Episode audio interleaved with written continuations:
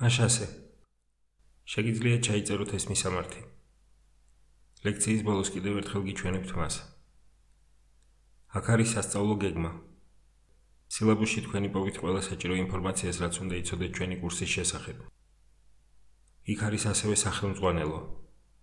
აი ეს ციგნია რომელიც შედგება სხვა ციგნებიდან ამოკრებილი ნაწყვეტებისგან. მე ვიყენებ მას რადგან ის ძველია. ისევე როგორც ძველია მრავალი თეორეტიკოსი რომლებზეც ჩვენ ვისაუბრებთ ამ კურსის მსვლელობისას. ამიტომ მე მივიჩნიე, რომ აღნიშნული სახელმძღვანელო საკმარისად ზუსტია.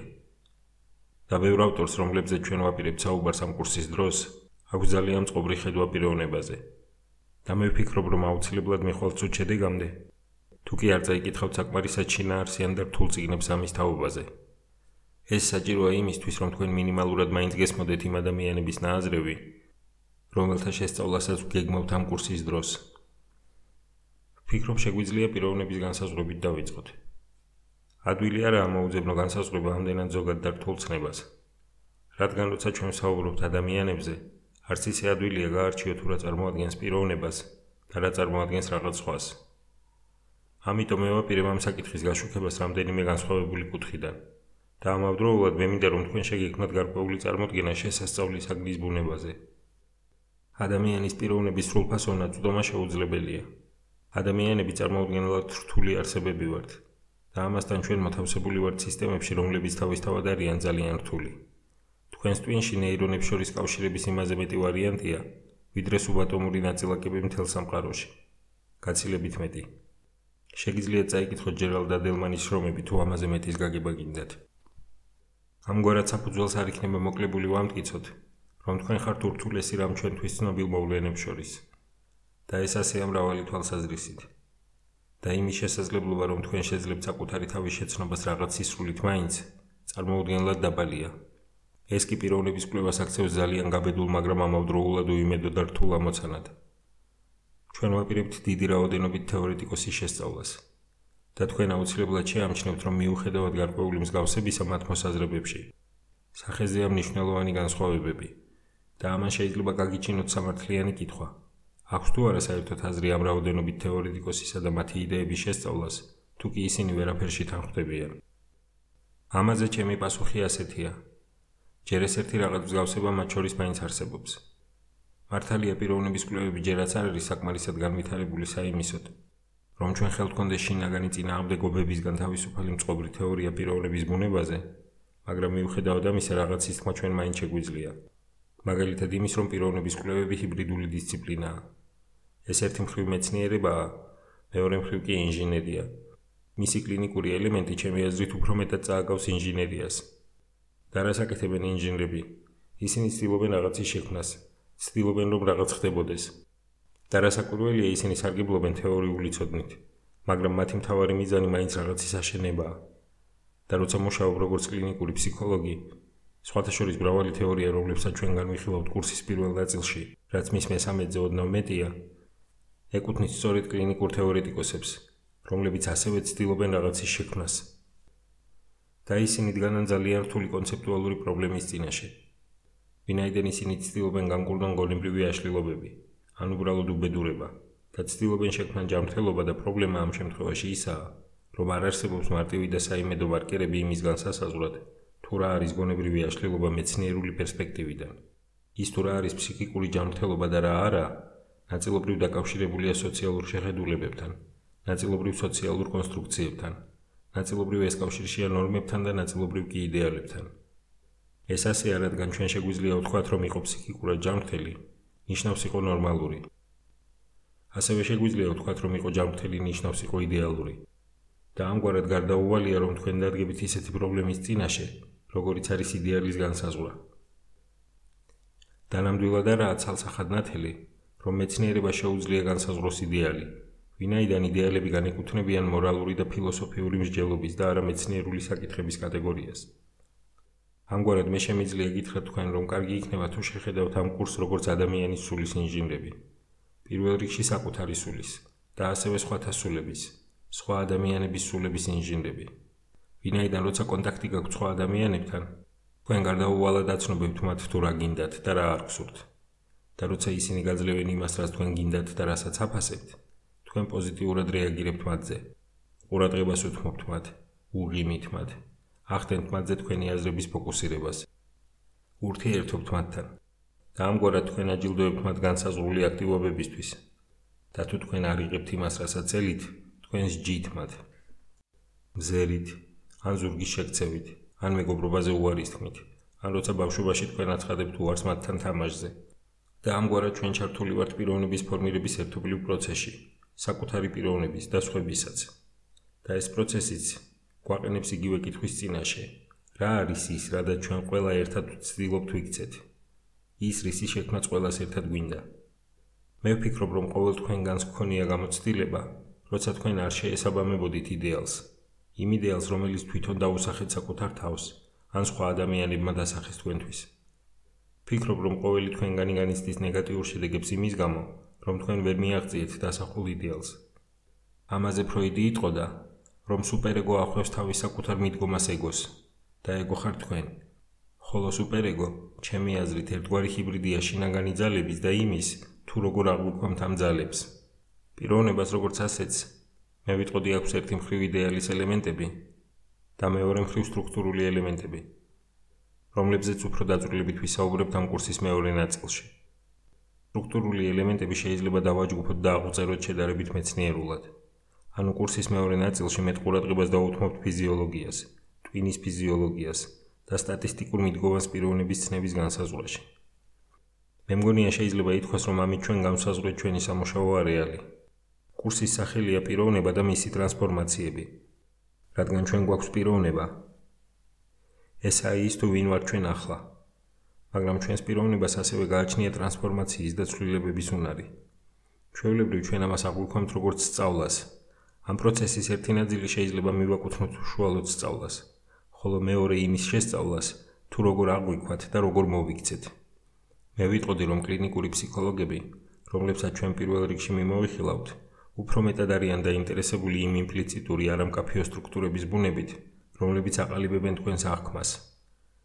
მათ ასევე აინტერესებთ არამკაფიო სტრუქტურები, რომლებიც განსაზღვრავენ თქვენს ქცევას და როგორ მოქმედებენ ისინი თქვენს ნეგატიურ ემოციებზე, ჯანმრთელობასა და კეთილდღეობაზე.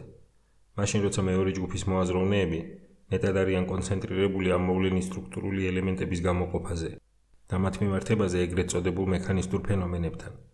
ისინი გთავაზობენ დაშვებას, რომელიც საკმაოდ დამაჯერებელია. იმის შესახებ, რომ არსებობს კავშირი თქვენს პიროვნებასა და თქვენი ტვინის ფუნქციონირების თავისებურებებს შორის. მე შევეცდები შემოგთავაზოთ მეტააღწერები, რომლებიც დაგეხმარებათ განსხვავებული თეორიების გაერთიანებაში. ყოველთვის ხვდებოდი, რომ რაღაცის დამახსოვრებისთვის ძალიან სასარგებლოა გქონდეთ გარკვეული გამაერთიანებელი ისტორია, რომელზეც შემდეგ გაფენთ ფაქტებს. სხვაგვარად თქვენ ვერაფერს გახდებით და მოგიწევთ მათი მექანიკური დაზებირება. და მე არ ვიტყოდი რომ დაზუთხული ფაქტების ერთობლიობა და ცოდნა ერთი და იგივეა.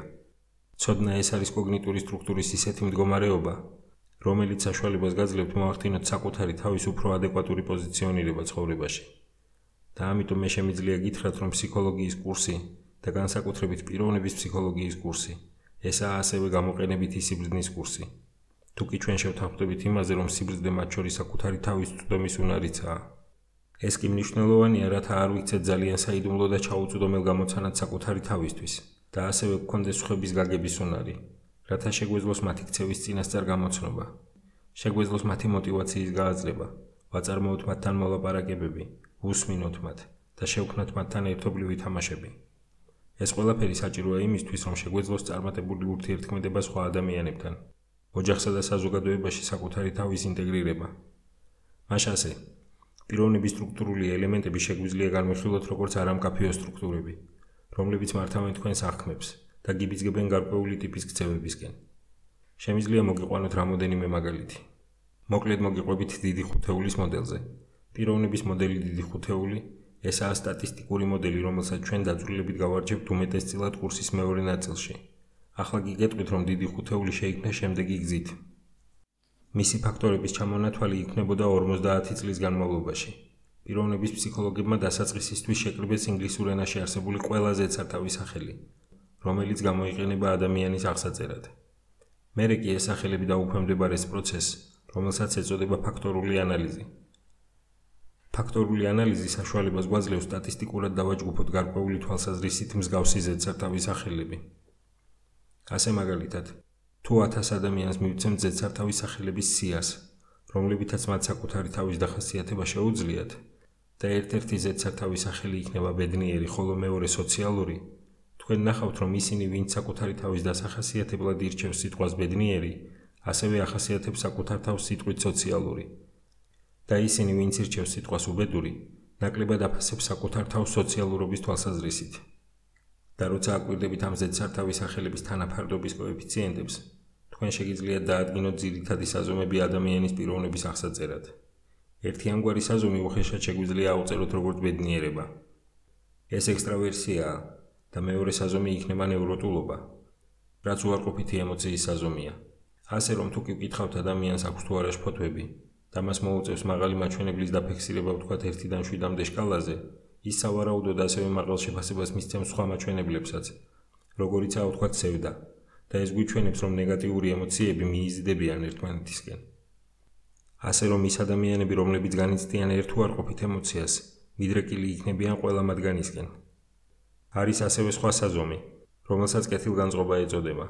და კეთილგანწყობილი ადამიანები არიან შედარებით თავგანწირულები, თანამგრძნობები და ზრდილობიანები. თუ თქვენ საქმე გაქვთ კეთილგანწყობილ პიროვნებასთან, მათ არ უყვართ კონფლიქტები და ისინი ზრუნავენ სხვა ადამიანებზე. თუ კი თქვენ საქმე გაქვთ კეთილგანწყობილ ადამიანთან, ის მეტი ალბათობით დააყენებს თქვენს ინტერესებს საკუთარ ინტერესებზე მაღლა. მათ უყვართ თანამშრომლობა და არ უყვართ კონკურენცია. ეს ის საზომია, რომელიც ხალებს უფრო დიდი პროცენტულობით აღინიშნებათ ვიდრე მამაკაცებს ნებისმიერ კულტურაში. იმ კულტურების ჩათვლით, სადაც ყველაზე შორს არიან წასული თანაბარი უფლებების უზრუნველყოფის თვალსაზრისით, როგორცაა ეს მაგალითად სკანდინავიაში. თუმცა პიროვნების გენდერული განსხვავებები აქ გამოხატულია ბევრად უფრო მძაფრად ვიდრე სხვა ნებისმიერ კულტურაში. შემდეგი საზომია კეთილსინდისიერება. ეს მშვენიერი თვისებაა თუ კი თქვენ გინდა წარმატებული იყოთ სწავლასა და განსაკუთრებით სამსახურში. მით უფრო თუ ხართ მენეჯერი ან ადმინისტრატორი. მე არ შემიძლია ვთქვა, რომ ჩვენ ბევრი ვიცით კეთილსინდისიერებაზე. მიუხედავად იმისა, რომ ის ხშირად შეინიშნება ზედსართავის სახელების ფაქტორულ კვლევებში მრავალი სხვადასხვა ქვეყნის მაგალითზე. კეთილსინდისიერ ადამიანებს ახასიათებთ გულმოდგინება, შრომის მოყარეობა და მოწესრიგებულობა. სხვათა შორის მოწესრიგებულობა პოლიტიკური თვალსაზრისით მათ ხშირად უბიძგებს კონსერვატიზმისკენ. ეს ხდება იმიტომ, რომ თქვენი ბუნებრივი ტემპერამენტი ჩაშენებულია თქვენს პიროვნებაში და ის განსაზღვრავს ფილტრებს, რომლებზე გავლითას თქვენ აღიქვამთ სამყაროს. და ის ასევე განსაზღვრავს თუ როგორ ვამუშავებთ ინფორმაციას და ამგვარად ზემოქმედებს ჩვენს გადაწყვეტილებებზე. მათ შორის იმაზე თუ ვის მივცეთ ხმა და ამგვარად ჩვენ შეგვიძლია ვთქვათ და მე მჯერა რომ ეს სიმართლეა. რადგან ჩვენს მიერ ჩატარებული მრავალი გამოკვლევა გვიჩვენებს ამას, რომ რაც უფრო მეტად ვიკვლევთ ადამიანთა პოლიტიკურ შეხედულებებს, მით უფრო მეტი დარწმუნებით შეგვიძლია ვამტკიცოთ, რომ ისინი განსაზღვრულია პიროვნების ტიპით. ფიქრობ, რომ ეს მნიშვნელოვანი რამეა დასაფიქრებლად, რადგან თქვენ უნდა მოიძიოთ ყველა შესაძლო გზა სამყაროს გასამარტივებლად, ვინაიდან შეუძლებელია აკეთო ყველაფერი.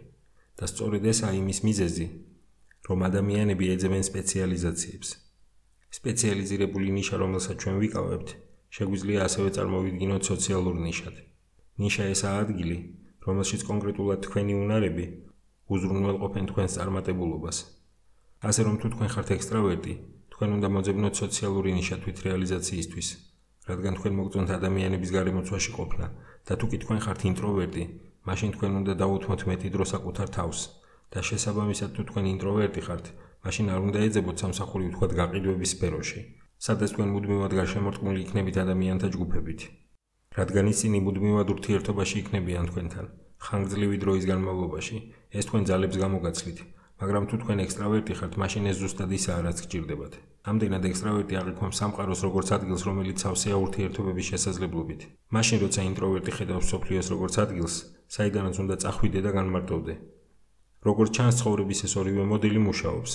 და საქმე მხოლოდ ისაა, თუ რამდენად შეგიძლია თქვენი ხასიათის დაქვემდებარება გარკვეულწილად მაინც გარემომცველი სამყაროს მოთხოვნებთან. გარდა ამისა, მე ვფიქრობ, რომ მნიშვნელოვანია გაგიმართლებთ თუ არა დაიბადოთ იმ პერიოდში, როცა არსებობს აქტუალური ნიშები თქვენი ტემპერამენტის რეალიზაციისთვის, რადგან ეს საერთოდ არ არის გარანტირებული.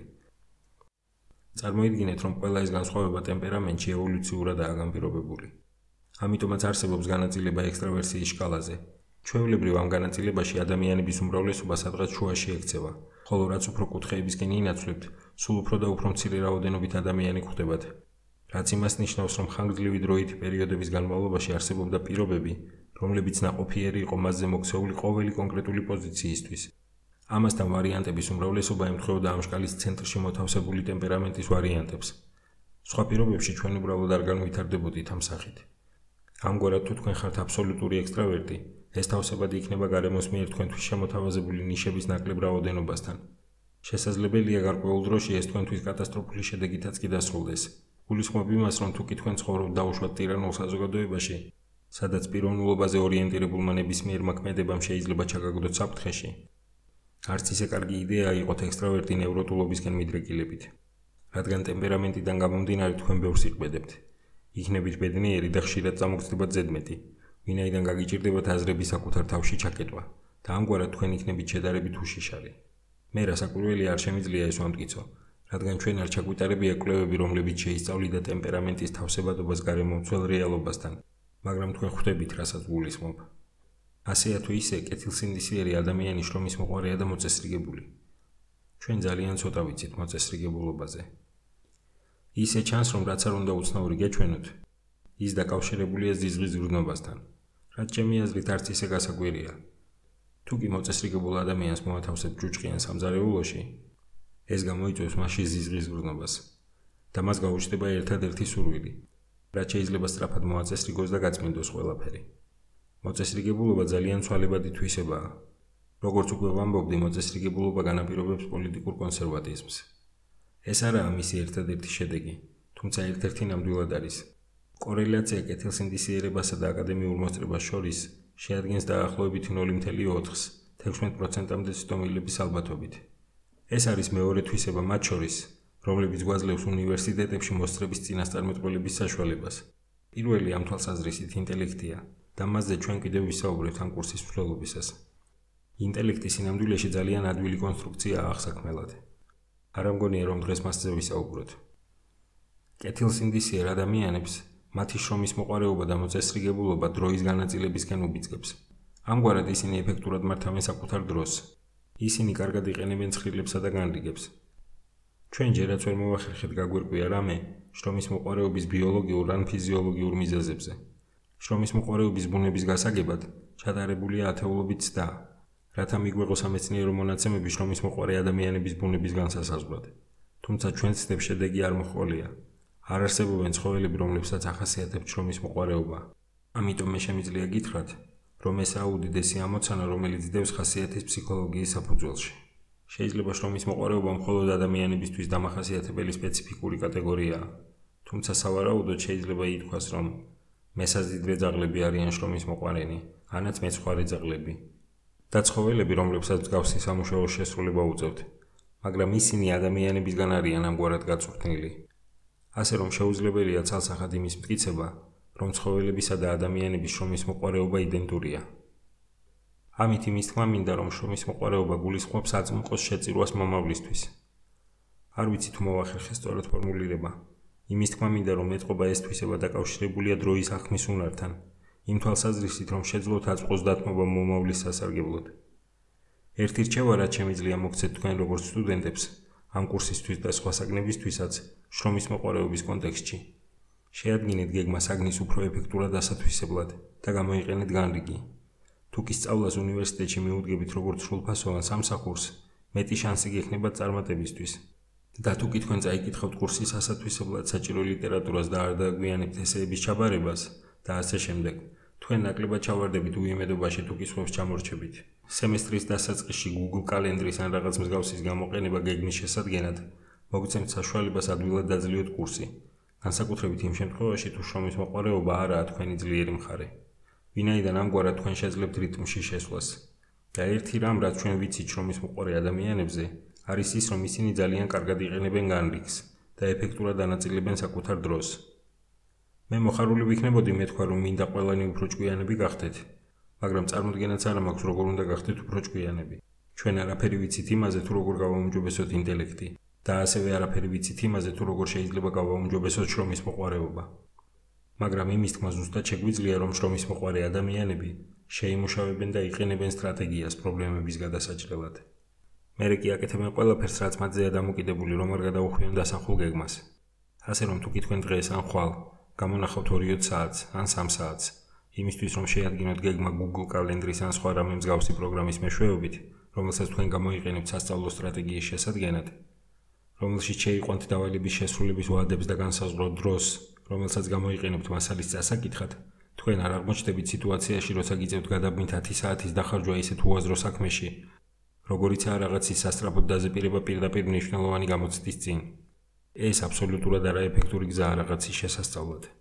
ადამიანები, რომლებიც იზუთხავენ რაღაცას 10 საათის განმავლობაში, როგორც წესი მე ამბობენ, რომ ისინი სწავლობენ 10 საათის განმავლობაში.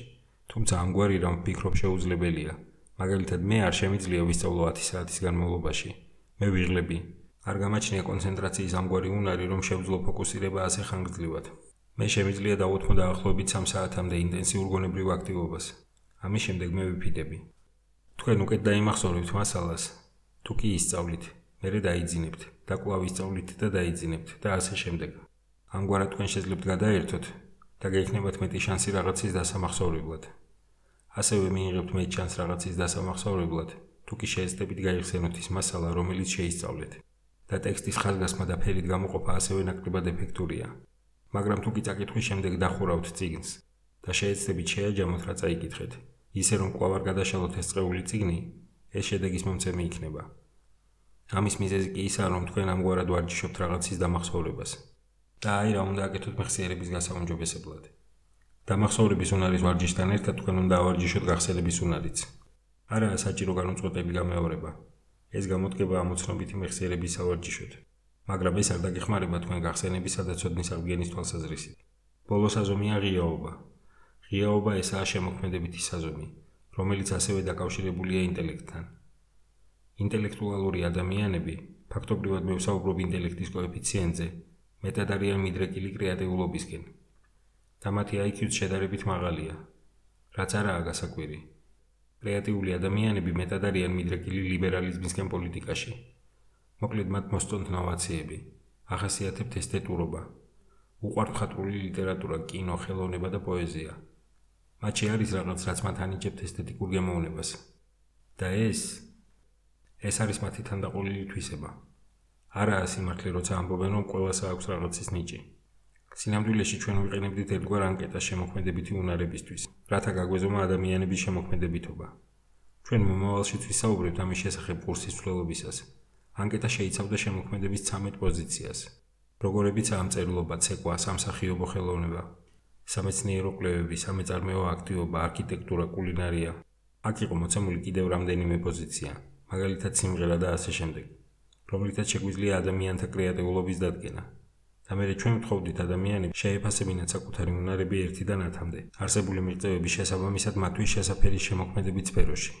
ნული ამ ტესტში აღნიშნავდა მე არ მაქვს არანაირი გამოცდილება და მიღწევა შემოქმედების აღნიშნულ სფეროში.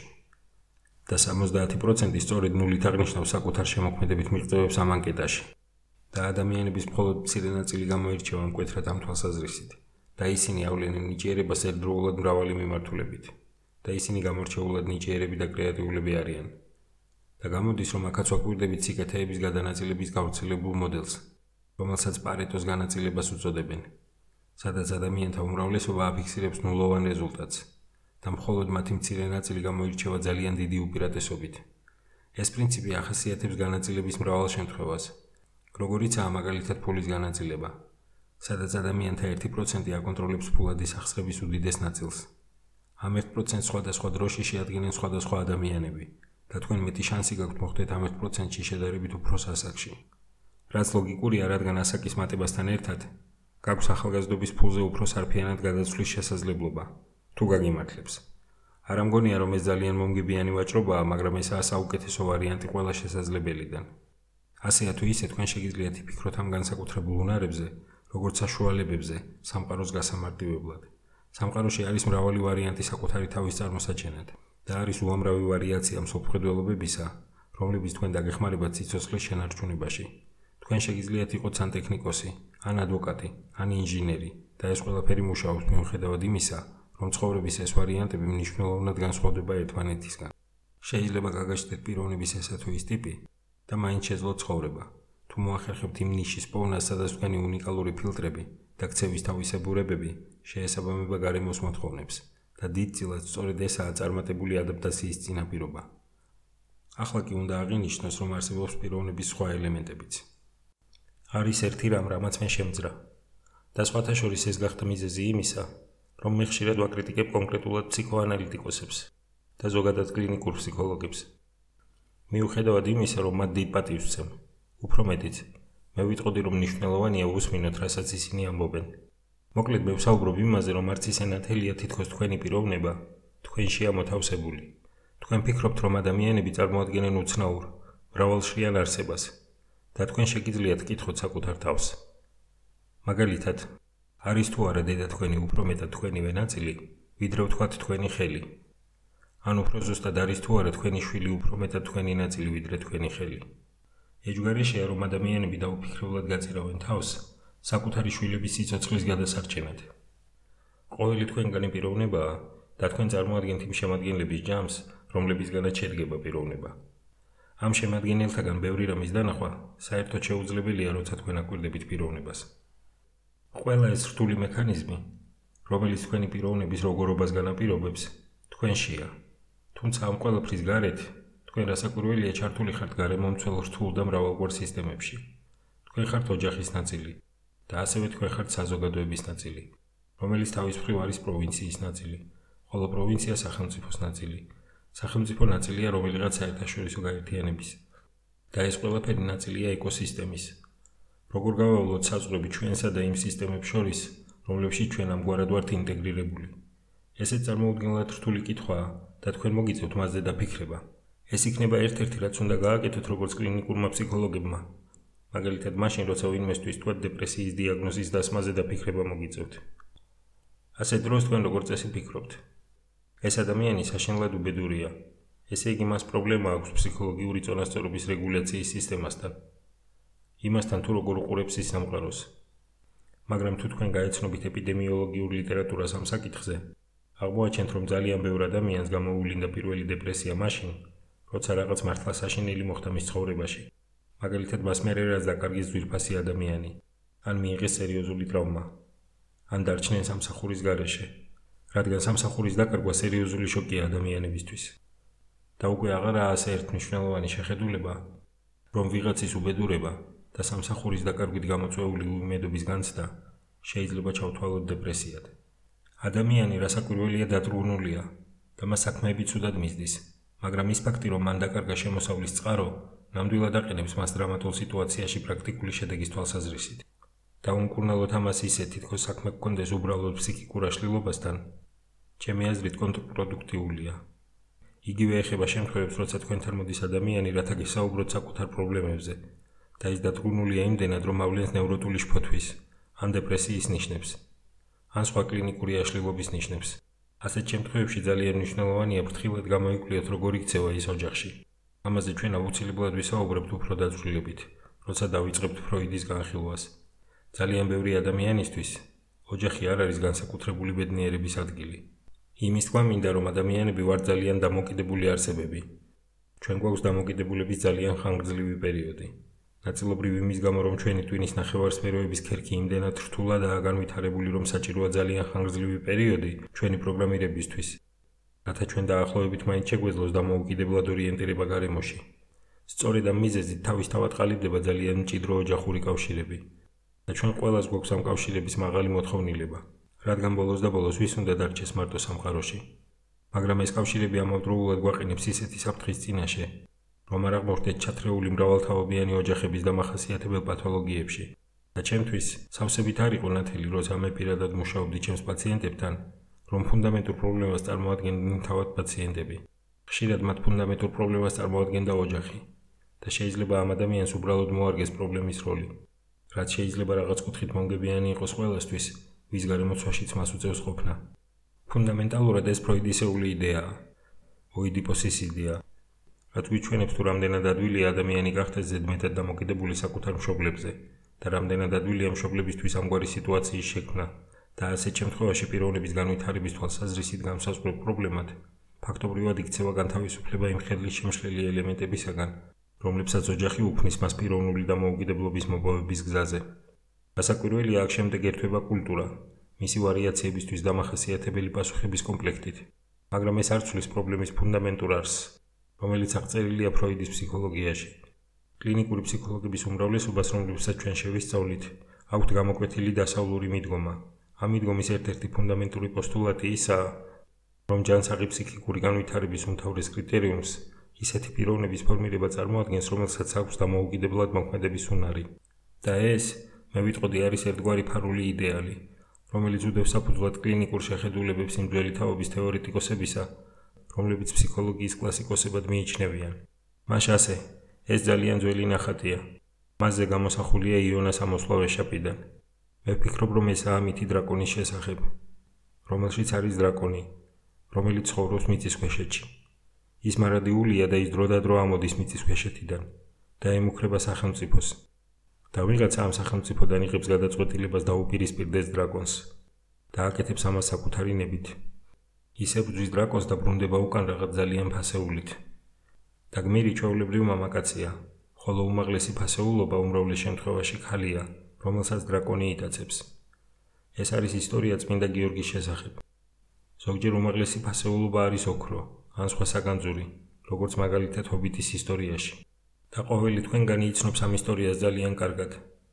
ეს არის კლასიკური ისტორია გმირზე და ისტორია გმირზე წარმოადგენს კლინიკური თეორიების კიდევ ერთ ფუნდამენტურ ელემენტს. და ჩემი აზრით ის დაფუძნებულია იდეაზე, რომ ჩვენ ვიძენთ ახალ ცოდნას ნებაყოფლობითი კონტაქტის გზით იმასთან, რაც ჩვენ გვაშინებს და გვეზიზღება. ესაა ქვაკუთხედი იუნგის ფსიქოანალიზის თეორიისა. იუნგი, რომელსაც ჩვენ დეტალურად გავარჩევთ, ამბობდა, რომ მისი მთავარი დევიზია ინსტერკვილინის ინვინიტურ. ვიცი რომ თუდად გამოვთქვამ, რადგან ეს ლათინური ფრაზაა, რაც ნიშნავს ნეხში აღმოჩენილ სიმდიდრეს. და ეს არის ერთ-ერთი ქვაკუთხედური იდეა კლინიკური თეორიებისა, რომ ყოველი ადამიანის გამოცდილების ფარგლებში თქვენ შეგიძლიათ იფიქროთ ამაზე, როგორც გარე სამყაროსთან ურთიერთობის გამოცდილებაზე, ან ქვეცნობიერი გამოცდილების ფარგლებზე, რომ ყველა ადამიანის გამოცდილების სიღრმეში მოთავსებულია პატარა, ბნელი საიდუმლოებები და ჩონჩხები და შემძარავი არქაული შიშები და შეურაცხყოფის შედეგები და მოგონებები პათოლოგიურ ქცევასა და სიმხთალეზე, რომლებიც არ გვაძლევენ განვითარების საშუალებას. როგორც ჩანს იმის გამო, რომ ჩვენ ვცდილობთ გავექცეთ მათ და ფსიქოანალიზის პროცესი არის საკუთარი პიროვნების სწორედ ამ დავიწყებულ და უარყოფილ ელემენტებთან ფრთხილი ურთიერთობის პროცესი. იგულისხმება, რომ მათთან პირისპირ შეხვედრის შედეგად მოხერხდება მათი გამოსყიდვა და პიროვნების ერთიანობის აღდგენა, რამაც საბოლოო ჯამში უნდა გაგვაძლიეროს. მე ვიტყოდი, რომ ეს არის ერთ-ერთი ხერხი, რომლითაც ადამიანები რაღაცას სწავლობენ და ამაზე ჩვენ უფრო დაწვრილებით ვისაუბრებთ, როცა შევეხებით ჯამპიაჟეს. რადგან ჩვენ სწავლობთ მხოლოდ მაშინ, როცა შეცდომას უშვებთ და ეს გამაღიზიანებელია, რადგან აბარა უნდა ისწავლო, როცა სწორედ აკეთებ ყველაფერს. თქვენ გადაადგილდებით სამყაროში რაღაცას აკეთებთ ამ სამყაროში. თქვენ გაქვთ თქვენეული წარმოდგენა მოვლენების განვითარების სასურველ ვარიანტზე. თქვენ ყოველთვის უყურებთ სამყაროს მოვლენათა განვითარების სასურველი ვარიანტების პრიზმაში და მოქმედებთ იმისთვის, რომ მოვლენების ჯაჭვი განვითარდეს თქვენი სურვილების შესაბამისად. და როცა ეს ხდება, თქვენ ბედნიერი ხართ. პირველ რიგში იმის გამო, რომ თქვენ მიიღეთ ის, რაც გსურდათ და ეს ალბათ კარგია, გააჩნია იმას თუ რა გინდოდათ. მაგრამ ეს ყველაფერი კარგია იმის გამოც, რომ თუ თქვენ მივიღეთ ის, რის იმოლოდინით გქონდა, ეს უნდა ნიშნავდეს იმას, რომ ჩვენ სწორად ვიქცეოდით და მეთოდი, რომელსაც ჩვენ მივმართავთ სასურველის მისაღწევად მოქმედებს. რეზულტატი ისაა, რომ თქვენ მიიღეთ ის, რის იმიღებაც გსურდათ და ეს მეუთითებს იმაზე, რომ თქვენი მოქმედების მოდელი თავისუფალია შეცდომებისგან. რადგან ხშირად ისე ხდება, რომ სასურველის მიღწევის მცდელობები არ მთავრდება თქვენი მოლოდინის შესაბამისად და ეს არასასიამოვნოა არა მხოლოდ იმის გამო, რომ თქვენი სურვილი არ განხორციელდა, არამედ უფრო მეტად იმის გამო, რომ ეს მიგანიშნებთ იმაზე, რომ მეთოდი, რომლითაც თქვენ აცნობიერებთ სამყაროს არასწორია. არასწორია რაღაც თვალსაზრისით, რომლის დადგენას თქვენ არ შეგიძლიათ.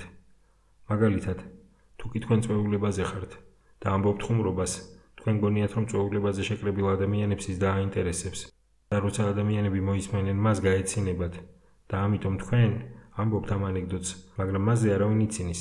ან კიდევ უარესი თქვენი ხუმრობა შეურაცხყოფას აყენებს ადამიანებს და იწვევს გაღიზიანებას. ეს თქვენზე უარყოფითად მოქმედებს და ეს ხდება ნაწილობრივ იმიტომ, რომ თქვენ ვერ მიიღეთ რასაც ელოდით. და ეს არაა კარგი. მაგრამ კიდევ უფრო ცუდია ის, რომ რაღაც არაა წესრიგში თქვენ იქცევის მოდელში. იმ თვალსაზრისით, რომ თქვენ სწორად ვერ აფასებთ სიტუაციას და თქვენ გიჩნდებათ პრობლემა. და პრობლემის არსი ისაა, რომ ჩნდება რაღაც მოცემულობა, რომლის შესახებაც თქვენ არაფერი იცით. და თქვენ ვეღარ არგოთ რაშია კონკრეტულად თქვენი შეცდომა. იქნებ თქვენ არც ისე კარგი იუმორის გზნობა გაქვთ, როგორც გეგონათ, და ეს შეიძლება იქცეს დიდ პრობლემად. ან იქნებ ადამიანები, რომელთა გარემოცვაში თქვენ გიძევთ ყოფნა, არ არიან ისეთები, როგორც თქვენ გეგონათ. ან იქნებ თქვენ არ მოწოხართ მათ იმდენად, როგორც აქამდე გეგონათ. ამით იმის თქმა მინდა, რომ პარანოიდული ფიქრების განვითარების პოტენციალი, რომლებსაც შეუძლიათ დაიბრუნონ თქვენი გონება, ყველაზე უწყინარ სიტუაციაში შეცდომის დაშვების შედეგადაც კი ძალიან ფართეა. და როცა თქვენ უშვებთ ამგვარ შეცდომას, თქვენ უნდა მიიღოთ ის და განიხილოთ ყველა შესაძლო ვარიანტი, რადგან ამგვარად თქვენ შეგიძლიათ დაადგინოთ კონკრეტულად რაში იყო თქვენი შეცდომა და როგორ გამოასწოროთ ეს, ისე რომ მომავალში თქვენ არ გაიმეოროთ იგივე შეცდომა. სწორედ ამისთვის თქვენ უნდა გააკეთოთ ისეთი რამ, რაც შეგვიძლია აღწეროთ როგორც მოგზაურობა მხეცის მუცელში. და ამ შემთხვევაში მხეცი არის ადგილი, სადაც ყველაფერი ჩამოიშალა და სადაც თქვენი ძირებით ნეგატიურ ემოციებში. ეს არის ქაოსი და გაურკვევლობა. და ეს არის ძალიან ძველი ისტორია. ისტორია მოგზაურობაზე მიწისქვეშა სამყაროში და მისი გმირია ადამიანი, რომელიც ნებაყოფლობით ჩადის მიწისქვეშა სამყაროში, რათა მოიპოვოს ის, რაც მის სიღრმეშია დაფლული და ესაა ფსიქოანალიზის თეორიის ძირითადი მოტივი. მე ვიტყოდი, რომ რაღაც თვალსაზრისით ეს არის ძირითადი მოდელი კლინიკური პრაქტიკისაც, რადგან ერთ-ერთი რაც თქვენ უნდა აკეთოთ როგორც კლინიკურმა ფსიქოლოგებმა, ესაა ადამიანური შიშების ძიება. ძიება იმისა, თუ რას გაურბიან ისინი. და ეს შეიძლება მოთავსებული იყოს მათ წარსულში, ან დღევანდელობაში, ან მათ მომავალში. ყოველივე ამის დაშლა უფრო პატარა ნაწილებად და ადამიანების დახმარება იმის გაგებაში, როგორ მიუდგნენ მათ და მოერიონ მათ. ეს დაეხმარება მათ გააუმჯობესონ საკუთარი პიროვნული თვისებები და საშუალებას მისცემს განვითარდნენ ისეთ პიროვნებებად, ვისაც არ უნდა ერთი და იგივე შეცდომების დაშვება ისევ და ისევ. ისთვის გვჭირდება ინსტრუმენტების მთელი ეს სიმრავლე. მე ვიტყოდი, რომ რაღაც თვალსაზრისით იყო პიროვნების ფსიქოლოგი, ნიშნავს იყო ინჟინერი. თქვენ ცდილობთ შექმნათ უკეთესი ადამიანი. თუ კი თქვენ ხართ ხურო ან მექანიკოსი, მაშინ თქვენი უნარი შეაკეთოთ მანქანა ან ააშენოთ სახლი, დამოკიდებულია იმაზე, თუ რამდენად ოსტატურად ეპყრობით იმ ინსტრუმენტების ნაკრებს, რომლებსაც იყენებთ ამა თუ იმ საქმისთვის. და შეიძლება ითქვას, რომ რაც უფრო მეტი ინსტრუმენტია თქვენგან გარგულებაში, მით უფრო მეტი ალბათობა, რომ თქვენ გამოგივათ ყველაფრის სწორად გაკეთება. ამგვარად მე მინდა გაგაცნოთ ის პერსპექტივა, რომ ყველაფერი, რასაც ჩვენ გავეცნობით ამ კურსში, ესაა რთული კონცეპტუალური ინსტრუმენტების ნაკრები, რომლებიც დაგეხმარება თქვენ საკუთარი თავის უკეთ წვდომაში, რაც მოგცემთ საშუალებას უკეთ გაერკვეთ და იმოქმედოთ გარემომცველ სამყაროში. მე ვფიქრობ, რომ ეს პირველი ყოვლისა პრაქტიკული კურსია. რადგან ჯერა რომ იმ ყველაფრიდან, რასაც თქვენ ეკვნობით ცხოვრებაში, არაფერი იმაზე მნიშვნელოვანი წარმატების მისაღწევად მისკენ მიმავალ გზაზე მოძრაობისას, ვიდრე თქვენი ხასიათი და პიროვნულობა, რომლებსაც თქვენ ავლენთ ნებისმიერ სიტუაციაში და რაც უფრო გაცნობიერებული ხართ საკუთარ თავსა და გარემომცველ ადამიანებში, რაც უფრო მეტად გესმით მათი და უკეთ ვწდებით საკუთარი პიროვნების ბუნებას, მით მეტია იმის ალბათობა, რომ თქვენი ცხოვრების განმავლობაში თქვენ მიიღებთ მეტ სიამოვნებას საკუთარი არსებობისგან, ვიდრე უსიამოვნებას. მე შევკრიბე იმ ხალხის ნამუშევრები, რომლებსაც მივიშნევ ბრწყინვალე მოაზროვნეებად. ისინი რთულია გასაგებად. მათი ხედვა კომპლექსურია, მაგრამ ეს არაა გასაკვირი, რადგან საგანი, რომელზეც ჩვენ საუბრობთ, თავისთავადაა რთული და სასიცოცხლოდ მნიშვნელოვანი. ამიტომაც ამ საგნის შესწავლა მოითხოვს სიბეჯითეს და მე მინდა გითხრათ, ეცადეთ არ ჩამორჩეთ მასალის გაცნობის ტემპს. თუ ყველაფერს დროულად წაიკითხავთ, თქვენთვის ეს კურსი გაცილებით დატვირთული და საინტერესო იქნება აზრობრივად. ხშირად მეკითხებიან, როგორ წავიკითხო მასალა ამ კურსის შესახებ, როცა საკითხავი ასე ბევრია? ჩემი პასუხი ასეთია: იკითხეთ ისე, თითქოს ეს მნიშვნელოვანია თქვენთვის და ეს სწორი პასუხია. ნუ ფიქრობთ იმაზე, როგორ შემოწმდება თქვენს მიერ მიღებული ცოდნა. უბრალოდ წაიკითხეთ და იარეთ ლექციებზე და ნახავთ, რომ ტესტები არ აღმოჩნდება ისეთი რთული, მაგრამ უნდა იკითხოთ ისე, თითქოს ავტორი წერს პირადად თქვენზე და უნდა შეეცადოთ გაიგოთ, რაზე წერს ავტორი, რადგან თქვენ ეს მოგცემთ კიდევ ერთ ინსტრუმენტს მომავალში გამოსახენებლად. მე ვიტყოდი, რომ ჩემს პრაქტიკაში მე ვიყენებ ერთ თეორეტიკოს ერთი პაციენტისთვის, ხოლო მეორე პაციენტისთვის სხვა თეორეტიკოს. მე მეჩვენება, რომ ეს რაღაც თვალსაზრისით დამოკიდებულია თვითონ პაციენტის ხასიათზე. მაგალითად, მე აღმოვაჩინე, რომ ადამიანებს, რომლებსაც განვითარებული აქვს ღიაობა, გაგახსენებთ, რომ ესაა საზომი, რომელიც შეიცავს შემოქმედებით უნარებს, ადვილად ექვემდებარებიან იუნგის მიდგომებს.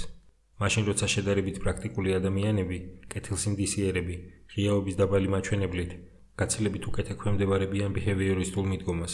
სინამდვილეში ჩვენ ჯერ კიდევ არც ისე ბევრი ვიცით ფსიქოლოგიაზე, რომ კურნალობის ტიპი ადამიანის ხასიათის მიხედვით განსაზღვროთ, მაგრამ ამგვარ რამეს მე ვიყენებ ჩემს პრაქტიკაში. კარგით, დაუბრუნდეთ პრაქტიკულ საკითხებს. აქ არის ვებგვერდი. მე ვამბობდი, რომ გიჩვენებდით ამ მოს ლექციის დასასრულისთვის. ამ ვებგვერდზე ჩამოთვლილია ის საკითხავი მასალა, რომელიც არის კურსის სახელმძღვანელოში. სახელმძღვანელო შეიცავს კლასიკურ საკითხებს. ისეთი ადამიანების ტექსტებს, როგორიცაა იუნგი, ფროიდი, პიაჟე და ასე შემდეგ, როჯერსი. როგორც უკვე ვამბობდი, მე ავარჩიე სახელმძღვანელო იმდენად, რამდენადაც მჯერა რომ ავტორმა შეძლო შეესრულებინა წარმოუდგენლად რთული სამუშაო და ახარისხარა ის, რისი დახარისხება ძალიან ძნელია. ვებგვერდზე არის ასევე სამეცნიერო ნაშრომების ბმულები, ვინაიდან თანამედროვე მასალის დიდი ნაწილი, რომელიც შეეხება თქვათ ნეირობიოლოგიას და პიროვნული თვისებების თეორიას, ვფიქრობ უკეთესია იკითხოთ ორიგინალურ ტექსტებში. და ჩვენ გავარჩევთ მათ უფრო დეტალურად კურსის მიმდინარეობისას. ამგვარად თქვენ გაიცნობით ორიგინალურ მასალას ფსიქოლოგიურ გამოკვლევებზე და ერთსაც გეტყვით, რომ არსებობს გარკვეული ენა, რომელიც თქვენ უნდა აითვისოთ, რათა უკეთ გაიგოთ საგანი. ეს მნიშვნელოვანია ასევე პრაქტიკის თვალსაზრისით. განსაკუთრებით მათთვის, ვინც აპირებს გააგრძელოს ფსიქოლოგიის შესწავლა საკუთარი საგანმანათლებლო და პროფესიული კარიერისთვის. კარგი იქნება თუ შეითვისებთ ამ ენას. კარგით. ეს არის ვებგვერდის მისამართი ჩვენი კურსისთვის. თუ კი თქვენ გადახვალ ჯორდან ბი პიტერსონ.com-ზე, რაც არ უნდა იყოს რთული და სამახსოვრებლად, თუ კი თქვენ შეგიძლიათ ჩემი სახელის დამახსოვრება, აქ ლექციები ჩამოთვლილია მარცხენა მხარეს და აქვე თქვენი პოვით სასწავლო გეგმას. აქ მოცემულია ის, რასაც ჩვენ გავივლით კურსის მსვლელობისას. დღეს რასაკვირველია გქონდა შესავალი და ზოგადი მიმოხილვა. აკვეთილების ცხრილი ცოტა უცნაურადაა შედგენილი ამ წელს. რადგან თუ ერთ დღეს გვაქვს 1 საათი, მომდევნო დღეს გვაქვს 2 საათი. ასე რომ მე ჯერ კიდევ არ ვიცი როგორ გავართმევთ ამას თავს, მაგრამ ჩვენ რაღაცას მოვიფიქრებთ. შემდეგ ისტორიული პერსპექტივები, მითოლოგიური რეპრეზენტაციები. მე გეუბნებოდით რომ შევეცდები მოგაწოდოთ მეტა აღწერები, რომლებმაც შეიძლება მოგცეთ შესაძლებლობა იმ განსხვავებული თეორიების შესაერთებლად, რომლებზეც კურსის მსვლელობის დროს გვექნება საუბარი. მე ვაპირებ აღწერო თქვენთვის თუ რა შეგიძლიათ ჩათვალოთ კონცეპტუალურ ენად. ამდენადაც მე შემიძლია აგიხსნათ. წარმოიდგინეთ, რომ არსებობს ორი სახის ცოდნა, რომელიც თქვენ უნდა მიიღოთ. ფიქრობ სწორედ ესაა მთავარი. მე დარწმუნებული ვარ, რომ თქვენ უნდა იცოდეთ ერთი მხრივისგან შედგება სამყარო და ვფიქრობ, ეს ცოდნა მიეკუთვნება მეცნიერების სფეროს.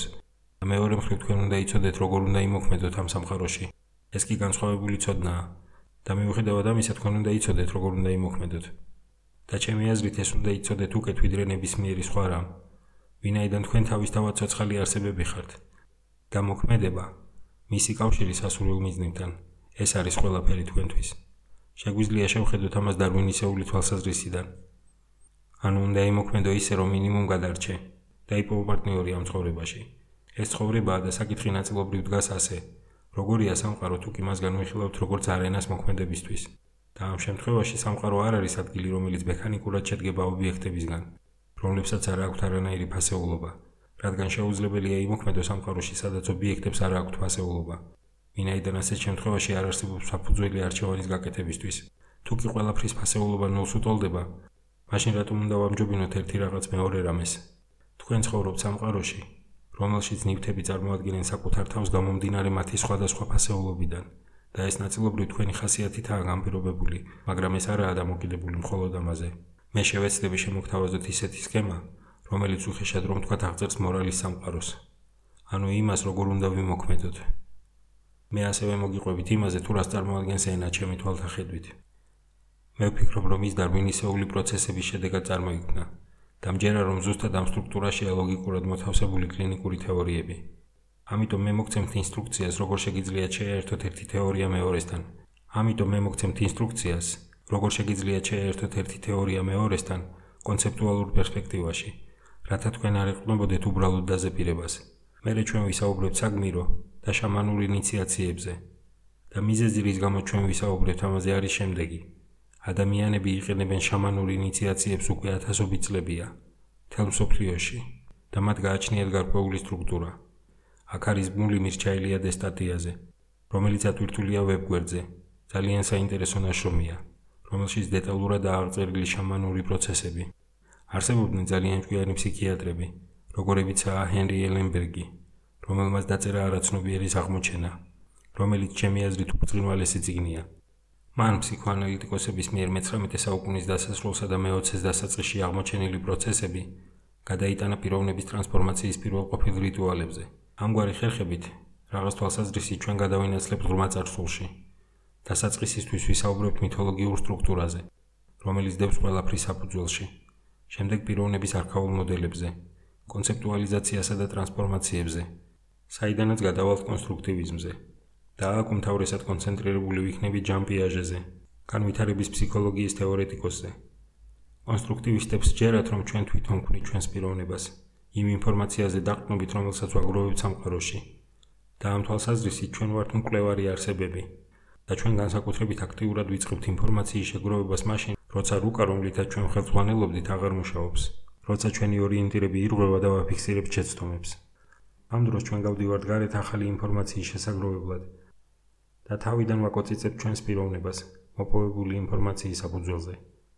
შემდეგ ვისაუბრებთ სიღრმისეულ ფსიქოლოგებზე, იუნგსა და ფროიდზე. რაც შეეხება იუნგს, მე გიჩვენებთ ფილმებს. უფრო სწორედ მე არ გიჩვენებთ მთლიან ფილმებს, მხოლოდ მოკლე ნაწყვეტების ფილმებიდან. და თქვენ იცით ეს ფილმები. ჩვენ ნახავთ მათ ქრონოლოგიური თანმიმდევრობით. და მე შევეცდები გიჩვენოთ, როგორ შეგვიძლია გამოვიყენოთ იუნგის თეზისები ამ ფილმების გასაგებად. როცა ჩვენ დავფიქრდებით ისეთ ფილმებზე, როგორიცაა მაგალითად მეფე ლომი, და ეს ფილმი ძალიან პოპულარულია. მიხვდებით, რომ საქმე გვაქვს ძალიან უცნაურ ფენომენთან იმ თვალსაზრისით, რომ თქვენ უყურებთ და ფიქრდით ამაზე ნახატებს, რომლებზეც გამოსახულია მოძრავი ცხოველები და ისინი რაღაც თვალსაზრისით წარმოადგენენ ჩვენივე რეპრეზენტაციას. მაშინაც კი როცა ნახატები დაბალი რეზოლუციისა, ჩვენ მომენტალურად აღვიქვამთ მათ ცოცხალ არსებებად და თქვენ მიაწერთ მათ мотиваციას, ხედავთ მათ მამოძრავებელ ენერგიას. თქვენ ამას აკეთებთ ავტომატურად, ისე რომ არც კი ფიქრობთ ამაზე. და არსებობს კლასიკური სიუჟეტი. და არსებობს კლასიკური სიუჟეტი, რომელიც საფუძვლად უდევს ამ ისტორიას. ეს სიუჟეტები არის ძალიან, ძალიან, ძალიან ძველი. და სწორედ ამიტომ თქვენ შეგიძლიათ მათი აღქმა. და თქვენ შეგიძლიათ მათი აღქმა იმიტომ, რომ სიცოცხლეს აქვს სიუჟეტი. ან უკეთ რომ თქვათ რამოდენიმე სიუჟეტი. ან სიუჟეტების რამოდენიმე სიმრავლე. მაგრამ ფაქტია, რომ სიცოცხლეს აქვს სიუჟეტი. და ეს რომ ასე არ იყოს, ჩვენ ვერ გაუგებდით ერთი მეორეს. სწორედ ეს მინდა გაჩვენოთ რამოდენიმე ფილმის ანალიზის საფუძველზე. ვფიქრობ, ეს საუკეთესო გზაა იმდენად რთული ავტორის გასაგებად, როგორიც იუნგია, რომელიც ძალიან რთულია მისადგომად. შემდეგ ფროიდი. აქაც იგივე მეთოდის გამოყენებას ვაპირებ. მე არ გიჩვენებ თქვენ ფილმს ფროიდზე. გიჩვენებთ ფილმს სახელწოდებით კრამბი. ეს არის დოკუმენტური ფილმი, რომელიც გვიყვება ძალიან ცუდად შეკრულ ოჯახზე, რომლის წევრები ცდილობენ მისგან განთავისუფლებას. მოკლედ მე მოგიყვებით ფროიდზე, გაჩვენებთ ამ ფილმს, რაც მოგცემთ საშუალებას ჩაწვდეთ ფროიდის ფსიქოპათოლოგიურ თეორიას, რომელიც ძალიან ღრმაა და რომლის სხვაგვარად გაგება ძალიან რთული იქნება. ამის შემდეგ გვექნება შუალედური ტესტი. თქვენ მოგიწევთ სწორი პასუხების არჩევა მოცემულ ვარიანტებს შორის. თქვენ გექნებათ საკმარისი დრო მის შესავსებად. ის აგებული იქნება იმ მასალაზე, რომელიც გავლილი გვექნება ამ მომენტისთვის. მერე ჩვენ ვისაუბრებთ როჯერსზე. კარლ როჯერსი ჰუმანისტი იყო. მისი შეხედულებების ცენტრში ჩემი აზრით იყო სხეული. ის ასევე ინტერესდებოდა პიროვნების ოპტიმალური განვითარებით და ინტერპერსონალური კომუნიკაციის როლით ამ პროცესში. როჯერსის ჰიპოთეზის ფუნდამენტი, რომელიც ძალიან საინტერესოა, მდგომარეობს იმაში, რომ ორ ადამიანს შორის გულწრფელმა კომუნიკაციამ შეიძლება განაპირობოს პიროვნების ტრანსფორმაცია. და თქვენ შეიძლება იფიქროთ, რომ თითქოს იცოდით ამის შესახებ, რადგან ჩვენ ხომ მართლა ვიფსებით სხვა ადამიანებთან ღრმა და გულწრფელი საუბრის შედეგად. როცა ჩვენ შეგვიძლია გამოვთქვათ ყველაფერი, რაზეც როგორც წესი ვდუმვართ. როცა თქვენ ყურადღებითა და ინტერესით გისმენთ ვიღაცა, ვისაც ასეთივე ყურადღებითა და ინტერესით უსმენთ თქვენც, ორი ადამიანის ამგვარ საუბარს, თითქოს მიჰყავს ორივე რაღაც მესამე, განსხვავებული მიმართულებით. და ეს საუბარი განსხვავდება იმ საუბრებისგან, სადაც თქვენ მართალი ხართ და ცდილობთ დამარწმუნოთ მე თქვენს სიმართლეში. ან როცა მე ვცდილობ თქვენს დარწმუნებას ჩემს სიმართლეში. მე ვიტყოდი, რომ ეს ტიპიური დიალოგია, მაგრამ არსებობს მკურნალი დიალოგი, რომელიც ჟღერს უფრო სხვაგვარად. მაგალითად ასე, რა გჭირს? როგორ მიდის შენი საქმეები? რა ხდება შენ ცხოვრებაში? როგორი პრობლემების წინაშე გიწევს დგომა? რას ფიქრობ ამ პრობლემებზე? შეგიძლია მოიფიქრო რამე მათ გადასაჭრელად? შეგვიძლია თუ არა ერთად მოვიფიქროთ რამე ამ პრობლემების მოსაგვარებლად. სწორედ ესაა საუბარი, რომელიც პრობლემებს აგვარებს.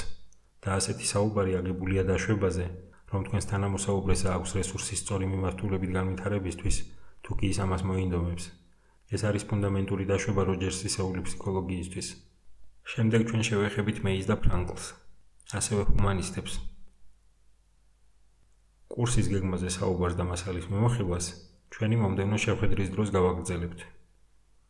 და მოგიყვებით შედარებით მეც ჩვენი კურსის სტრუქტურაზე. მეორე შუალედური გამოცდა გვექნება 14 მარტს. ასევე გვექნება საბოლოო გამოცდა კურსის დასასრულს. და მას ექნება ტესტის სახე, პასუხების ვარიანტებით. ეს ტესტები აგებულია ამგვარი პრინციპით: 25%, 25%, 27.5%. ისინი არ შეიცავენ საერთო საკითხებს. ყოველი მათგანი შემაჯამებელი ტესტის ჩათვლით შეიცავს მხოლოდ იმ მასალას, რომელსაც გავივლით წინა ტესტის შევსების შემდეგ. თქვენ ასევე მოგიწევთ SS დაწერა. ეს იქნება 15% და ესე უნდა იყოს 1000 სიტყვა, უკაცრავად და არა 750 როგორც აღწერია. ასევე მოგვიწევს ონლაინ დავალების შესრულება თემაზე პიროვნების ანალიზი. ის არ შეფასდება. უბრალოდ ყოველმა თქვენგანმა უნდა შეასრულოს დავალება და წარმოადგინოს ამის დამატასტურებელი მასალა. ეს დავალება დაგეხმარება დიდი ხუთეულის მეთოდით. გააანალიზოთ საკუთარი პიროვნება, კონცენტრირდეთ საკუთარ დადებით და უარყოფით მხარეებზე. ამგვარად ესაა პრაქტიკული დავალება პიროვნების თეორიის გამოსაყენებლად პიროვნული განვითარებისთვის. ამგვარია ჩვენი კურსის სტრუქტურა. ასევე უნდა გითხრათ, რომ არის სარეგისტრაციო ფორმა სილაბუსში. მე გამოვყავი თემები, რომლებიც შეგიძლიათ აირჩიოთ თქვენი SS-თვის იმის მიხედვით, თუ რა მასალას გავდივართ სემესტრის განმავლობაში. მე გირჩევთ შეხვიდეთ მასში და აირჩიოთ თემა, რადგან ერთი და იმავე თემის არჩევა შეუძლია განსაზღვრული რაოდენობის სტუდენტს. ეს გავაკეთე იმისთვის, რომ ჩემს ასისტენტს არ მოუწიოს ბოლო მომენტში 200 SS ერთდროულად კითხვა. ამგვარად ჩვენ მათ გადავანაწილებთ და მივიღებთ თქვენს ნაშრომებს კურსის მსვლელობისას. ასე რომ აირჩიეთ თქვენთვის საინტერესო თემა და დარეგისტრირდით. მე გთხოვთ გააკეთოთ ეს რაც შეიძლება მალე, რადგან ზუსტად ასე იქცევიან შრომის მოყვარე ადამიანები და ეს დაგეხმარებათ საკუთარი თავის ორგანიზებაში. მე აქვე განვათავსებ საინტერესო მასალას იმაზე, თუ როგორ უნდა ვწეროთ. ეს გამოგადგება 1000 სიტყვიანი ესეს დაწერაში. ასევე გაითვალისწინეთ, რომ ესეების მიღება შეწყდება ერთი დღით ადრე კურსის დასრულებამდე. დღევანდელი ლექცია მინდა დავასრულო იმაზე საუბრით, თუ ვინ უნდა აირჩიოს ეს კურსი. უპირველეს ყოვლისა თუ კი თქვენ არ მოგეწონათ ეს ლექცია, მაშინ არ ღირს მისი არჩევა, რადგან ამ კურსის ყველა ლექცია ამავე ტიპის იქნება და ისინი არაა გათვლილი ყველასთვის. მე ვიყენებ ბევრ ასოციაციას და ვცდილობ მათ დაკავშირებას ერთმანეთთან და ამგვარად შეიძლება ითქვას, რომ გარსული საკითხებს. ეს მეთოდი საშუალებას მაძლევს გესაუბროთ პირდაპირ და მე ეს მომწონს, მაგრამ ამისთვის მე ვთმობ ორგანიზებულობას რაღაც ხარისხით. მაგრამ მე ვფიქრობ, რომ ეს ამათ ღირს. მეორეც, კურსი შეიცავს ძალიან დიდი რაოდენობით საკითხავ ლიტერატურას და დიდი ნაწილი ამ მასალისა გადმოცემულია რთული სამეცნიერო ენით, განსაკუთრებით მეორე ნაწილში. კურსის პირველ ნაწილში ლიტერატურა უფრო ფილოსოფიურია თავისი ბუნებით, ფილოსოფიურ ფსიქოლოგიური. ასე რომ თუ თქვენ ეს არ გაინტერესებთ, თუ თქვენ სუფთა მეცნიერების მომხრე ხართ და თუ თქვენ არ გაინტერესებთ ასე ვთქვათ პიროვნების კლინიკური ელემენტები და კლინიკური თეორიების ფილოსოფიური საფუძვლების კვლევა, მე შემიძლია გითხრათ, რომ ეს კურსი არ იქნება საინტერესო თქვენთვის. ჩემი აზრით, ამას სერიოზულად უნდა მიუდგეთ, რადგან ლიტერატურა რთულია. საჭირო იქნება ბევრი შრომა ამ კურსის დასაძლევად და უკეთესი იქნება თუ თქვენ აირჩევთ კურსს, რომელიც ნამდვილად გაინტერესებთ. მაშასე. კეთილი იყოს თქვენი მობრძანება კურსზე, ფსიქოლოგია 2:30. მალე შევხვდებით.